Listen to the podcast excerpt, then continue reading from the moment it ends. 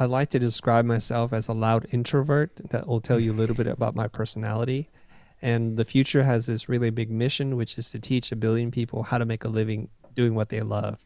In a former life, I was a graphic designer. I started my company in 1995 called Blind, and we made commercials and music videos for 20 plus years for some of the biggest brands and bands in the world.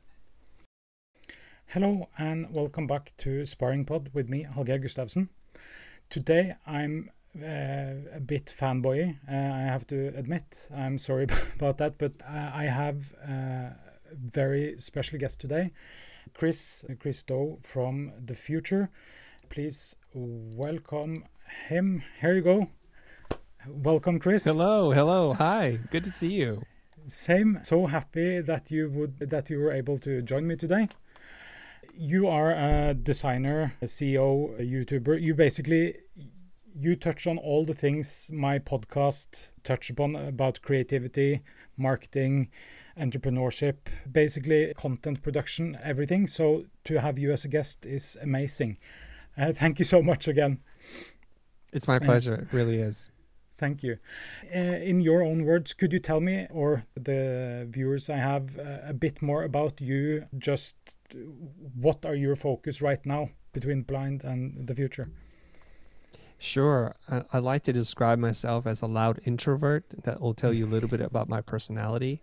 And the Futur has this really big mission, which is to teach a billion people how to make a living doing what they love. In a former life, I was a graphic designer. I started my company in 1995 called Blind, and we made commercials and music videos for 20 plus years for some of the biggest brands and bands in the world in 2014, a friend of mine, a former college classmate, said to me, "Let's go make content on YouTube." And I thought that was the dumbest, craziest idea ever. and then I did it. Yeah. And in doing so, I transformed my life and my business. Now I do content creation full time. Mm. I no longer do client work, and it's been a beautiful, glorious path. Yeah, but you you because your voice on YouTube, which is basically my main source of learning when it comes to running a business and marketing in general. Your voice on internet basically encapsulates everything that me in my company has learned but not vocalized in the last 10 years and you are a how are you able to vocalize it or to put words on it uh, the way you do how much time do you spend thinking about these things That's a great question. Let me just figure out how to answer that question. okay. Something that people need to know is about five years into my business, I had a windfall of profit for that year. And I asked my wife, who also is my business partner, that maybe we should spend some of this money on professional resources. So that year we hired a CPA, we hired a financial planner, and I also hired a business coach. And the business coach really is the person who transformed me and my thinking in terms of learning how to run a business. Up until that point, I was successful because of talent and hard work, mm-hmm. but I hit a ceiling, and that ceiling was just killing me. So now I'm going to have to work on the things that nobody wants to work on sales, marketing, leadership, a business mindset. And so for the next 13 years, I worked with this same business coach and would meet with him once a week for 13 years. So this so is way before work. I make my. yeah, it's yeah. a lot of hard work. it, this is way before I'm even thinking social media. Before mm-hmm. I'm thinking YouTube, and so now fast forward to 2014, I've run a business for at that point almost 20 years, and the number one thing that people would start to ask me about is, Chris, I want to start a business. What do I need to know? And I would answer these questions one on one over the telephone, yeah. doing things like that but eventually I got tired of doing that. And I said to this one person, his name is Frank, I said, Frank, I'll answer your question if we can record it and do it live. He's like, happy to. And so, to my surprise, when I did this uh, kind of content, it started to catch a lot of people's attention. I thought, who wants to tune into YouTube to see like an Asian bald guy talk about business and creativity? And it turns out actually quite a few people do want to hear about yeah. business. And so we found a place and a space that wasn't really it it wasn't overwhelmed with lots of people talking about it. So I was happy to be one of a few people who are talking about the business of design. Yeah, yeah, because one. I, I have been a nerd all my life and listening to your your podcast where you talked about you it seemed to me like you also were a nerd in your own space for quite some time I have always uh, thought when you talked about having your portfolio and nobody asking to see your portfolio, but you wanting to see the other people's portfolio just to see if you were on par. yep. Uh, yeah, I really recognize that as something because I really don't care about. I, I know I do good work in marketing and stuff like that, but I want to see other people's results, other people's case studies. That is something that really ignites something within me to see am I on par with this? So that really resonated with me. How was that? Because in as you might understand, I listened to your uh, podcast about you before this. So how why were you interested in how to measure up? Because you seem like a really bright guy, and yeah, it, I think there is a question there somewhere. I got the um, question, I think. Yeah. I'll try to answer. If not, redirect me, okay? Mm-hmm. Okay. So I was led to believe that the school that I was going to was made up of mythical unicorns of creativity. And when I got there, I started to wonder where do I fit in this pantheon of design greats?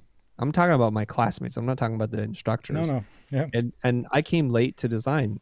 I started to become serious about it only like a year prior. It wasn't like I, I lived all my life saying I'm going to be a designer. I actually didn't allow myself that thought.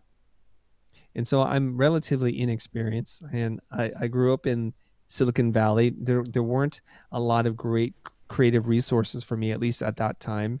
And so I thought I don't know anything. And the best way to know is to find out and to be brave enough to ask. So I wanted to confirm my suspicion, which was, is this the the world's greatest gathering of creative human beings, or is it not? And so I, I dared to ask, and people will show it to me, and like, oh, it's a bunch of student exercises, It's not yes. that good. Shoot, let me just try another one. Maybe this is an anomaly. So mm-hmm. every person who's willing, I would watch or would look at their portfolio, and and that's how I started to understand, like contextually, this is where I fit. Yeah. And I, I was. Can, can, I ask you how old you are? Because I, in my Google search, it said 32. Yes, but, I'm 49. Yeah, good. Just a few years off. Yes, thank you. Because mm-hmm. I, I, regarding that Google search, I was thinking he's 32 years old and he started his company in 95. Wow that's young, but you're not that amazing. You're just amazing in another way. Yeah, yeah, good. Okay, because I, I started my first company in 99. I was 17 year old and I bicycled to, to a company and I told them that you guys need to be on the web. At that time, it was the web, and I uh, and he said, "Yeah, okay, tell me about this, the web." And okay, this sounds like a good idea. How much does it cost? And I was like, "Oh shit, how much does a website cost? I don't know. So I just uh, threw out the largest number I could muster, and that was $1,400 approximately. I was like, mm-hmm. yeah, okay. And the whole way bicycling back, I was like, I said the wrong number. I said too low number. He didn't even think about it. That was way too low. So that's where I understood, or that was when I started to understand what you always talk about to to price things according to the value that you bring to the client.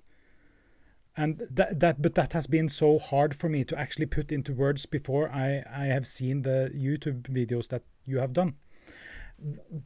If I can ask, in your past, what was the most defining for you getting to where you are now? Do you see one place or one thing that gets you on this path? There's several, and so it depends on which path you want me to talk about. But many paths aren't constructed from one singular act. Mm-hmm. It's a series of small acts that lead to that moment. people say, "What what is good fortune?" It's like being at the right place at the right time. Mm-hmm. So I add one more thing: being at the right place at the right time in front of the right person, and that doesn't happen without consistent, persistent hard work and preparation. Yes. You manifest that opportunity. in into happening into reality when you're prepared. So for me, the big breakthrough was when I was able to do a national car commercial. Okay. So once we did a national car commercial, everybody else would say, okay, you're legitimate. You know what you're talking about. We know how to sell you. We know how to work with you. And at that moment, our company blew up in, in wonderful ways. But before you can get that national car commercial, you have to do the regional car commercial. Of course. And before you can get that, you have to do something simple. And then you just keep tracing it all the way back. And usually, for a lot of things, I can trace it back to the singular act. And it all began when I was still in school. When there was this guy, his name is Jason Hoover. He's a friend of mine he's an industrial designer. We're both poor, and so we're both trying to like trying to make it in the world. And and he couldn't have finished his education, but I became friends with him. I tried in every way I could just to help him when he needed it. Mm-hmm. So Jason then l- later on introduces me to someone, who then introduces me to someone, and then the rest of the story. Yeah, yeah. So if I don't, if I don't, if I turn my back on this person, if I said you're just as broke as I am, I, I only want to work with rich students. Oh. I only want to help people who I know who can help me. Then none of this would have happened. But then, if we pull it even further back, the the values that your parents instilled in you basically made you do those things. So you can take it even. Yeah, yeah, I understand. Right. mm-hmm. If you could travel back, uh, meet Chris, age ten, and you could say one you, you could talk to chris 10, uh, 10 years old for half a minute what what would you tell him i would tell them there's just going to be this thing called youtube and social media to, to to don't fight it to go into it as soon as possible you won't know how to use it you you won't know when or why just start making content and then that way you can get an early start this Chris Do at age 10, what things would you think that he would be the most impressed with at your present stage in life? I, I at the age 10? Mm-hmm. So the age 10 brain is just really not that mature. I can't answer that question Let's say from 15, age 49. 15 then. Let's say No, 15. no, but I can answer it on a superficial level. Yeah. Like a teenager is going to be concerned about financial success, about mm-hmm. fame, about popularity, those kinds of things. And yeah. that 15 year old would probably be impressed at the reach in which the Futur has mm-hmm. and the number of lives we're able to touch and the deals that are happening today because of that. And I think that person's going to have their brain melted. Like, I just can't believe people pay you to do this kind of stuff. Yeah. Do you think there's anything uh, in your life right now that uh, he would be embarrassed about? my 15 year old self too would is a very shy person who's mm-hmm. not comfortable speaking to to even one-on-one situations and so that person would think there's no way i there's no way i could be on camera there's no way i could be on stage and having so many eyes looking at me at that time so that's probably the thing that they would be most shocked by what kind of things do you have in your life right now or your personality that you wish to be able to take with you to the future to become an old Chris and uh, look back and see, okay, I managed to take a hold of this part of me and stay stick with it. I think my the thing I'd like to never lose is my curiosity, my love for learning, and my love for helping other people, and that gives me uh, very selfish, genuine joy. And I think it's a human nature thing. Yeah. I think sometimes we've moved away from this idea. Like I got a message from somebody today and they said something like, I don't have a business without the things that you've shared. You've yeah. helped me to transform from going from a $500 logo to a $20,000 logo or something like that. Mm-hmm. And it makes me really happy to see that in, in our connected society, that an idea that's transmitted from here in Los Angeles out into the universe wherever it hits mm-hmm. some person, some man, some woman somewhere, and it changes their path. Yeah. Sometimes negatively, and sometimes positively. Your your agency is named Blind, and in your capabilities deck, there are some words about the background of that name.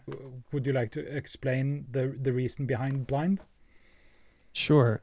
Blind, there's a lot of different explanations, and I'll give you both. Okay. Yeah. When, when I grew up, I loved skateboarding, and there was a company called Vision, and Vision was a corporation, and they had lots of money. And then these skaters formed a company also called Blind just as a parody brand. And I always loved that. So later on, when I went into my business, I was thinking, you know what? I don't know how long I'm going to be in business. I'm going to start a design company, and let's come up with a name that's very provocative, something that's going to be anti what you would think, anti logic, illogical. And so we said it's going to be called Blind, but it's also married with our design philosophy, mm-hmm. which is I don't believe in having a strong personal style that I impose on my clients. So we say we don't begin the project without you. We begin without preconceived ideas or notions. We begin without prejudice. We begin without assumptions. We begin blind. And mm. that's the meaning we tell our corporate friends. Can can I uh, tell you uh, one of the questions me in my agency ask new designers in the interview process is that is it very important to you to put your spin your feelings and and thoughts on the work we present to our clients. And if they answer yes then the interview is over. Uh, because yeah because yeah and that has been as i've been in the company for six years now and I, I was told that when i started it's like we work for the client. We do not uh, put our stamps or our feelings on the client's work because it's supposed to be for the client. Uh, and then when I see that in your capabilities deck also, I'm like, yeah, this is actually not something that you have thought about or that I have thought about. This is just how it should be in my mind, if you understand what I mean. Absolutely. Yeah. I think it goes depending on the industry and the field that you practice. Mm-hmm. Having a strong personal style can be an asset and can also be a detriment. So photographers, they need a strong yeah. personal style. Illustrators and artists generally need a strong personal style where you can look at it and say that's that person's work and they're going to get hired because of that because that's what makes them unique and different. Design is a little bit different. Design is, you know what? I have a set of skills and I'm going to help solve a problem. And sometimes my personal preferences for things that I like are going to go against this solution. And so in this case, yeah. for me, I want to have lots of tools in my arsenal and I want to be able to design the thing that is most appropriate for the uh, client and also the thing that's most likely to help them achieve their goal. Yeah. Can, can I ask you what do you think? Let's see. No, my logo here. It, yeah, the, do it one more time. How'd you make it bigger? No, I did this. It's an oh H when you move out. An, an uh huh. Uh huh. And also the the hand going like that. Yeah, is, uh, is that the hang loose symbol? Yeah, or yeah. rock on or something. Oh no, rock and roll. Yeah, rock, rock and roll, roll right? yeah. yeah.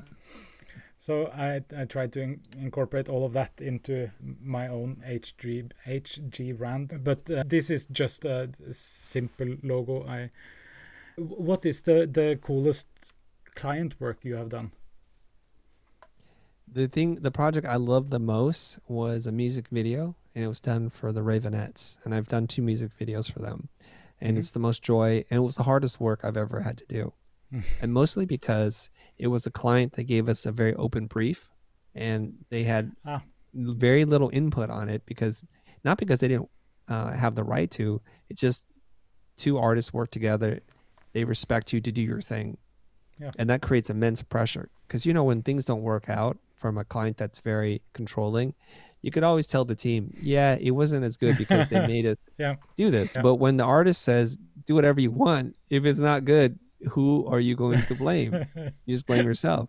Yeah. So it's an immense amount of pressure. And it's also a great opportunity. So we got to play, we got to explore, we got to make art and to get paid for it. And I got to be seen by lots of people. Hmm. And so for me, those two music videos for the Raveonettes are my favorites. Cool. How do you come up with ideas? What kind of process do you have? Mm-hmm. I have a very specific process. It's borderline rigid.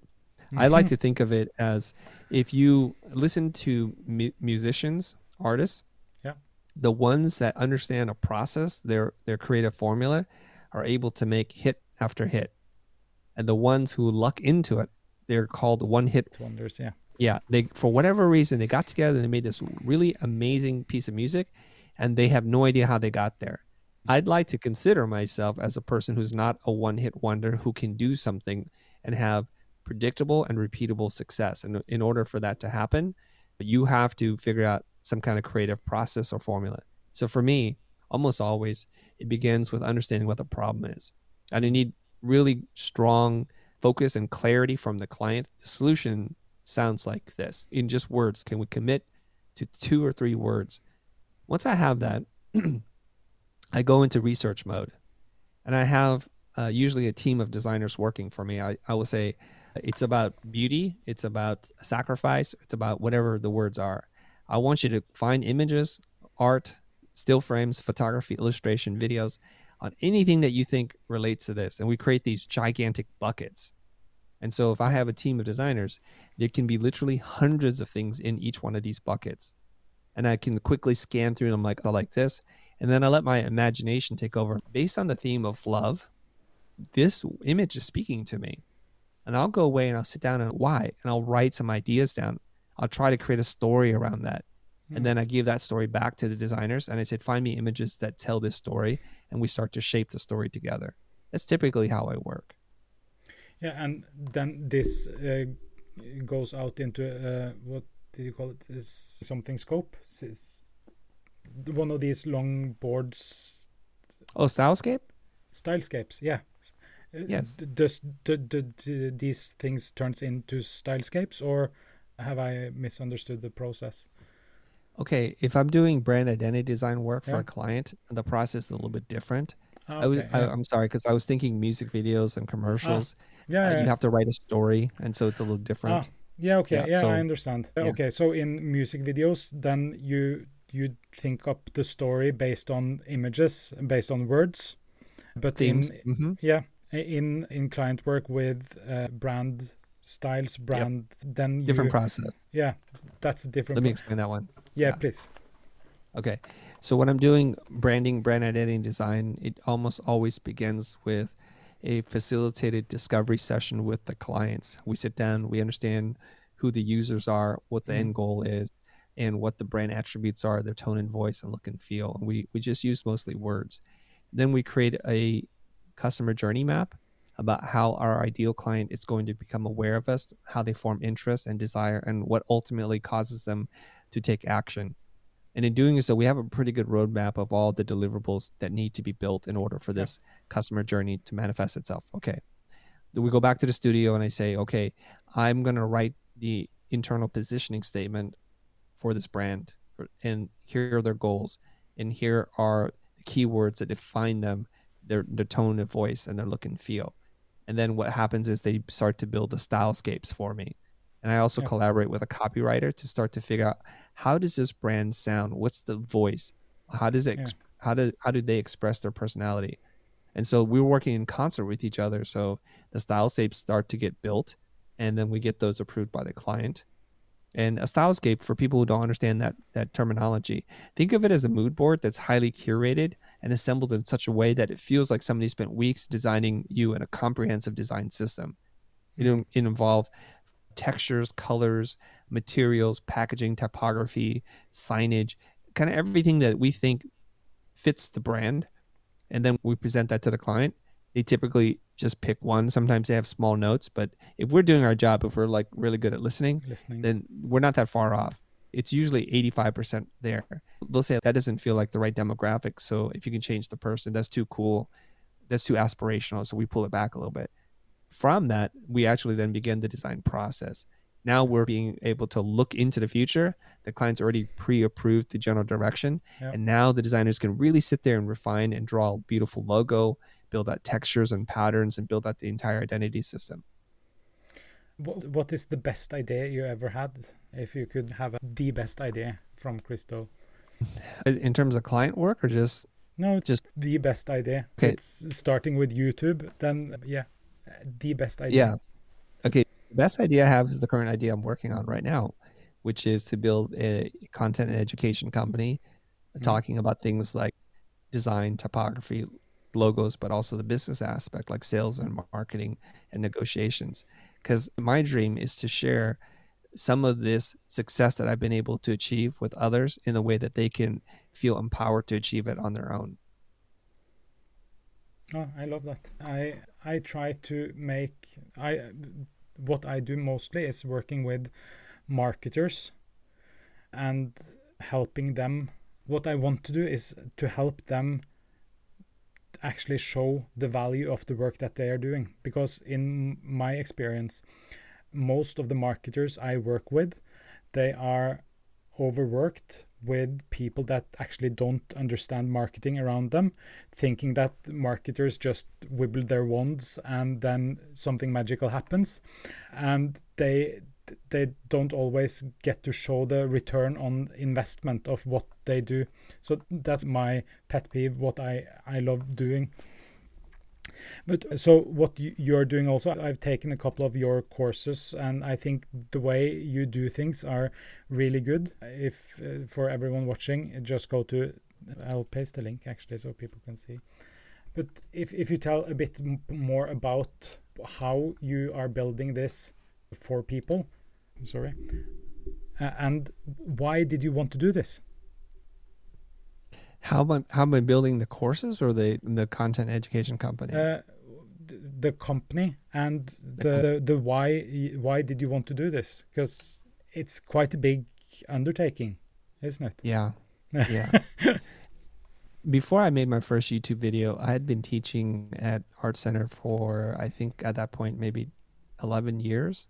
Yeah. And it's some of the, my happiest moments, which is to come into a classroom to deal with uh, 10, 12 hungry students, hungry minds wanting to know, and the push and pull between the tension and the solution, the resolution, those kinds of things make me really happy. Hmm. And the reason why I love teaching so much is, and and this sounds like a cliche, but but I've always learned more from my students than I've ever taught them.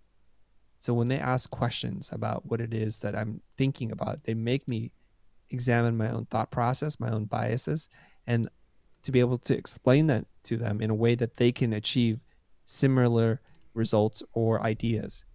And it's a really wonderfully exhausting, beautiful thing because for five hours we sit together in a room with lots of sticky notes and whiteboards and drawings and just working together and trying to share some of what I've learned in the last X number of years to help mm-hmm. them. But the problem with all that stuff was it's a fairly short lived, finite experience. I teach yeah. for 14 weeks. It's five hours a week and then it's over. And you touch the lives of maybe 10 12 students at a time. The people if you're lucky if they're all paying basically. attention. Yeah yeah yeah. yeah. And then you repeat the entire process again the next semester and you just do hmm. it over and over. It changes it evolves but essentially it's the same. Yeah. So my wife had challenged me. She's telling me like why don't you try and teach more people there's more for you mm-hmm. and i don't know that she was thinking youtube but she was just thinking you're a smart person. Figure it out. figure it out. so yeah. then I have to go in and have to think about that. Like, what can I do? What can I do to be able to expand on this? And then getting into making content on YouTube was just the beginning. And I love the process. I love the process of teaching. I wish I didn't have to make money. I, I yeah. wish that YouTube or Disney or somebody would just say, you know what, we, we think what you're doing is fantastic. We're just going to give you a few million dollars so that you can do this to employ your team and for you to be able to su- support your life and your family, I think that would be wonderful. And unfortunately, that's not the case, not yet. No. so then we have to make courses in order to capture some of the attention that we've garnered and also to, so that people can reciprocate. People watch a channel, they're like, I don't really need to learn this, but I'm just going to buy this course because I know it supports you.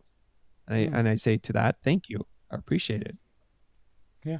And you don't set low goals for yourself either because uh, your goal is 1 billion. Mm-hmm. That that's a lot of people. It is. how it's like one in eight people. Yeah, yeah. I'm how very far, far away from it. Okay. Yeah. but I'm guessing we we are uh, uh, touching more people today, figuratively, of course. I promise you.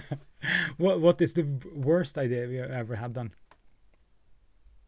on the way to having a successful idea, you have many mistakes and many failures, and yeah. we try things all the time that just don't work. And I don't really put them into the category of failures. I just put them into the category of necessary lessons for success. And so it's hard for me to be able to like, what is a giant failure? The the know? least but, least pleasant learning experience then. sure. the least pleasant learning experience for me was early on in my career when I'm I'm doing client work and I I have a, a very strict delivery deadline Mhm. and the clients were still making changes the night before, which put me in Oh. a terrible position. Yeah. And then there was a problem of rendering uh, because I'm doing animation, and so now I have to go and finish the work. So I'm working all night, and I this is a really bad decision. I decided to go to sleep. Yeah. So I'd Yeah. been working until two or three in the morning. I was exhausted, trying to, and I went to sleep. And I woke up in two hours, and I checked the machines, and the machines weren't working properly. Some of them had crashed, and so the deadline was on us. And and one other thing, we were moving that day. So my my do- wife had yeah. yeah, it's just everything that could go wrong goes wrong. So these professional movers are in our office space, boxing things up while I'm frantically working on the computer, and I could just feel this stress seep out from my pores and just all over my face and body. My and get this, I'm working on the renderings while on the floor because they're taking away the desk, they're taking away the chairs, because I don't want to move that later. So I have uh, little milk crate cartons or boxes and I have my my monitor on it and and a and a mouse and the keyboard on the floor, trying to manage six different computers. It was probably my worst professional experience ever. Yeah. Did you deliver on time? I did not deliver on time. No. It was late. Uh, It was full of mistakes, and it was just an Yeah. embarrassing professional experience. It sounded like, but then again, it's also in in cases like that. I so much want to scream to the client, "Don't change it." we, this is yeah, but yeah, we've all been there. Yeah, that's not really the client's problem. It's my problem. Uh, Yeah. I take 100%, 100% responsibility. I, I didn't manage the project Yeah. first. I, Yeah. I shouldn't. I, knowing that it, there's a move on the same deadline day was is horrific. I Mm. probably should have just paid for a second set of movers to come when I was ready, but I was already in a desperate situation and I wasn't thinking clearly. So everything that could go wrong went wrong that day. Yeah what kind of things inspire you in everyday life then? Generally people inspire me. Uh, when i hear someone struggle they're trying to get through a problem and I, I just hear that they want to solve that and when they find the solution they take massive action. I just sit back and like wow. I just so i'm in awe of people who have a problem who don't quit who are then able to find an answer and then without too much hesitation just go for it and then to transform their lives. That's very inspiring to me.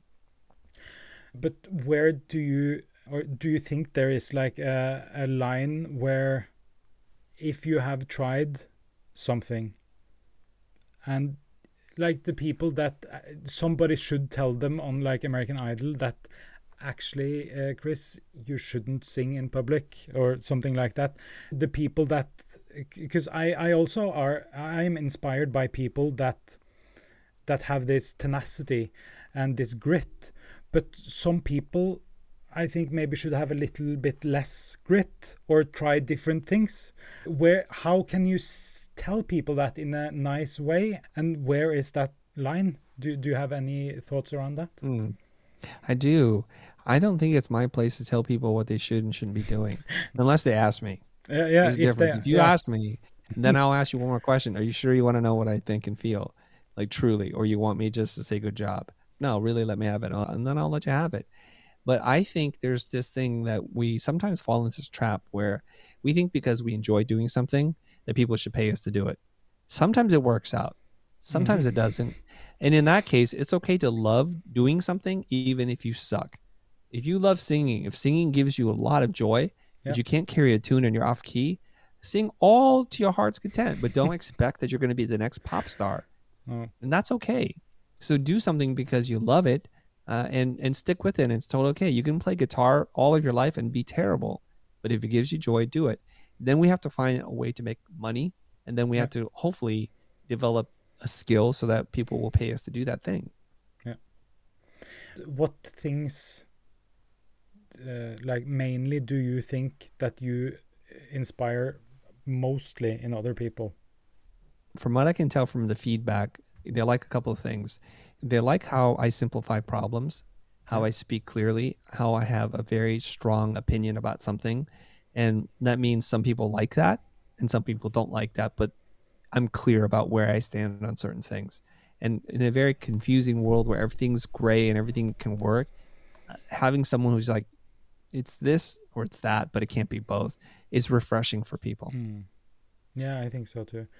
Uh, now I have 20 quick questions. These are rapid fire. Okay. The answers doesn't have to be a rapid fire, but the questions will be. Okay. What- I'll try my best. What is your most marked characteristic? My stoicism. I love that. What quality do you like most in a person? What do you value most in your friends? loyalty. What is your principal defect? I, I, I think. Oh my gosh, my, my worst defect. Sometimes I, I I don't understand and process my emotions. Do you study Stoicism, like from the question before? I do not. Have you tried? I read one book Okay. and I'm curious about it. Yeah. It was the book The Obstacle is the Way by Ryan Holiday.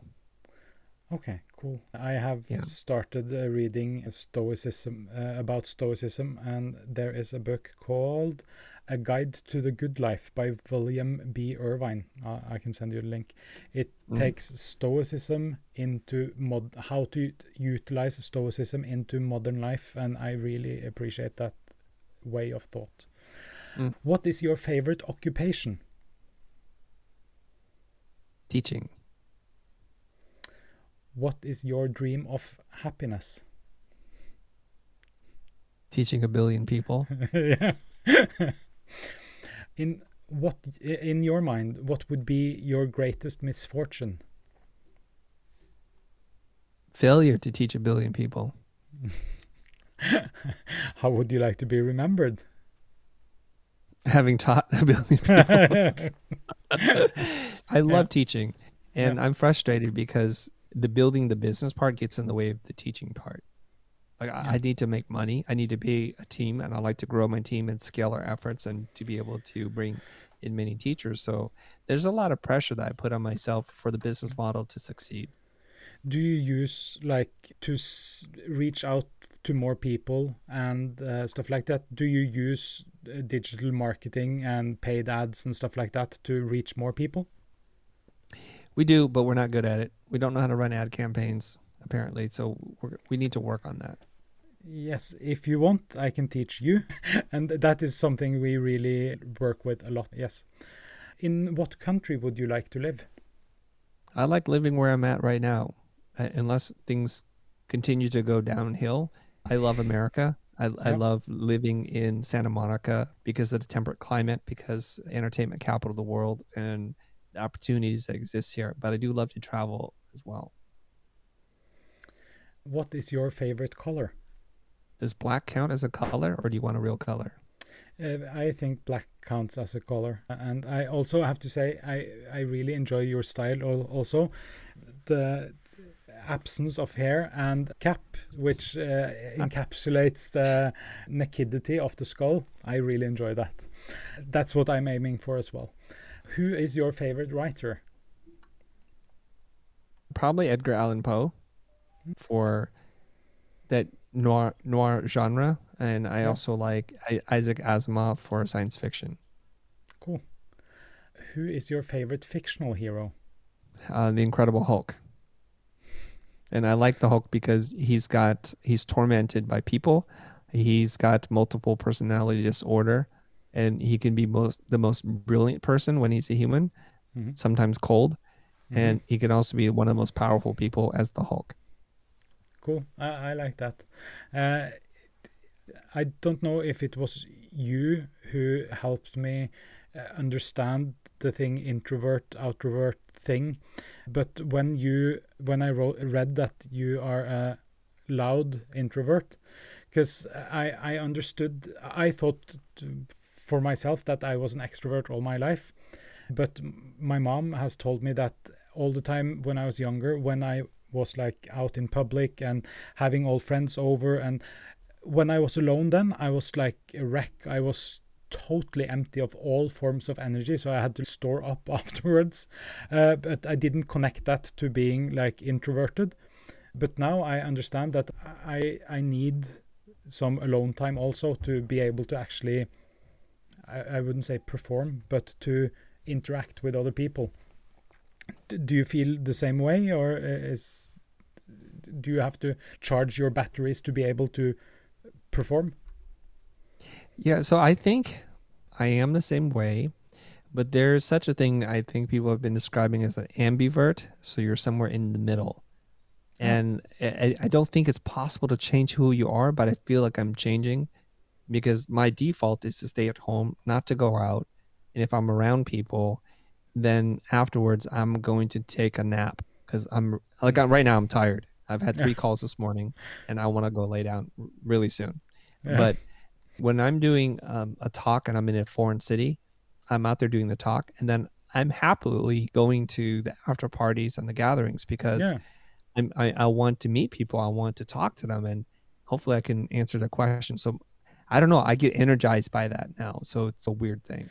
Yeah, I have. I've been doing live action role playing games all all my life almost, and the way I see it, I put on a role as a really engaged extrovert. And I'd say to myself, okay, Helge, game face on. And then I'm this character that really enjoys, and I, I enjoy talking to people also, but I find it really tiring at lengths. But I put on the game face and I, I do the things, and then I have to just lay down afterwards. but yeah. Who is your favorite music musician? Right now, I'm loving the band Twenty One Pilots. It's not my favorite, but I'm just really just admiring this that one person can write the song, the lyrics, and perform all the parts, and it's super impressive. But I also love his ability to go on stage and and really produce a show that's engaging for the audience. It's I'm just impressed by this young man. Cool. Uh, I'll check it out. Who's your favorite artist? Who's my favorite artist? Shoot, I should know this. I, I whenever you put the word favorite, it means that for some reason yeah. the others are not as, and it's really tough. Like for a long time in my life, I really admired the work of Pablo Picasso, and the how playful he was in interpreting things and so revolutionary in co-inventing cubism and I love that. But then as I get older, I'm like, okay, I'm over Picasso. Who else? I'm into a lot of different people now, like. Damien Hirst and his conceptual thinking with his fine art. I, I love his installations and just taking mundane things and just making them super, super interesting. And I think that's yeah. what art is. Yeah, I think so too. And I've had this same question for a long time. I'm not sure who my favorite artist is, but uh, I, as I told you earlier, I'm a huge nerd, and I've been watching Doctor Who since 2005. And there is in some season of the newer Doctor Who, there is an episode where he travels back in time and visits Van Gogh. Have you seen this episode? No. Okay. He goes back and meets Van Gogh solving some space time continuum uh, thing there. But Van Gogh is in this episode, and I think also in his real life, so tormented, so mm-hmm. depressed. So he and this uh, actor that portrays him, it's uh, I feel the chills coming on just thinking about it because he's so he's a wreck. And the last thing the doctor does while as a kind of service to Van Gogh is to take him forward in time and taking him to see the Van Gogh Museum or the wing of the, the Museum of Fine Art or something like that. And that scene, uh, it's so amazing. I would recommend everyone just watching it because he asked the curator while Van Gogh is standing with his back turned and he says, "Could you could you tell what do you think about Van Gogh and to see how he describes his painting and feelings and how he reacts to that it's yeah it's one of my favorite tv series moments ever and also with like an, a person that actually existed but didn't go forward in time as far as we know yeah that was uh, real we, i call it pigtail thought yeah What do you most dislike? Sorry. What do I most dislike in, in yeah, general in, or in general? Yeah. The thing that obviously there are a lot of big problems in the world, but I'm not going to focus on that. I'm, No. I'm trying to give a very personal answer. I, I, I generally have issues being around people who don't truly understand themselves and are wearing a mask, pretending to be someone else, because I can usually see who they are. And it's difficult for me to, to be around people like, I see you. It'd be nicer if you just stop pretending to be someone mm-hmm. else. And so there's that friction that exists. Who are your heroes in real life? my heroes are my parents, my, both my dad and mom, for the lessons they taught me. My dad about hard work, persistence, living humbly, delaying gratification for long term goals. I learned that from my dad. My mom has this super beautiful, passionate spirit. She's creative, she's adventurous, she's bold. I, I, I wish for her, and obviously this is an empty thing, but I wished for her that when she was a young woman that she was born to different parents and grew up in America where things were possible because she would be a very different person today. What natural gift would you most like to possess? A speed reading. What vice do you have that you like to give into? I like to g- give into. Yeah. yeah. Okay, so I have yeah, I have an obsessive personality. When I get into something, I forego most things and I just go really deep. And I know sometimes that's not healthy. And the example of this would be like a kid who plays a video game who forgets to go to the bathroom and then pees on himself. Yeah. I'm not that extreme, but It's I really get into stuff. Yeah. Uh, Yeah, yeah. it's close. yeah. Mhm. How would you like to die? I, I would like to die around my loved ones and knowing that I did more good in the world and that I gave more than I took. Thank you. That's nice. Thank you so much for joining me on my podcast, Chris. Uh, it was a pleasure to have you here. Thank you very much. The lightning round questions are tough, man. Yeah, it's not tough. supposed to be easy. Uh, would uh, could you stick around for a couple of minutes and we'll just play the Yeah. outro and go off. To everyone watching, thank you so much. Check out Chris, and I'm guessing most of you already have, but yeah, still. Have a good day, and we'll talk suddenly.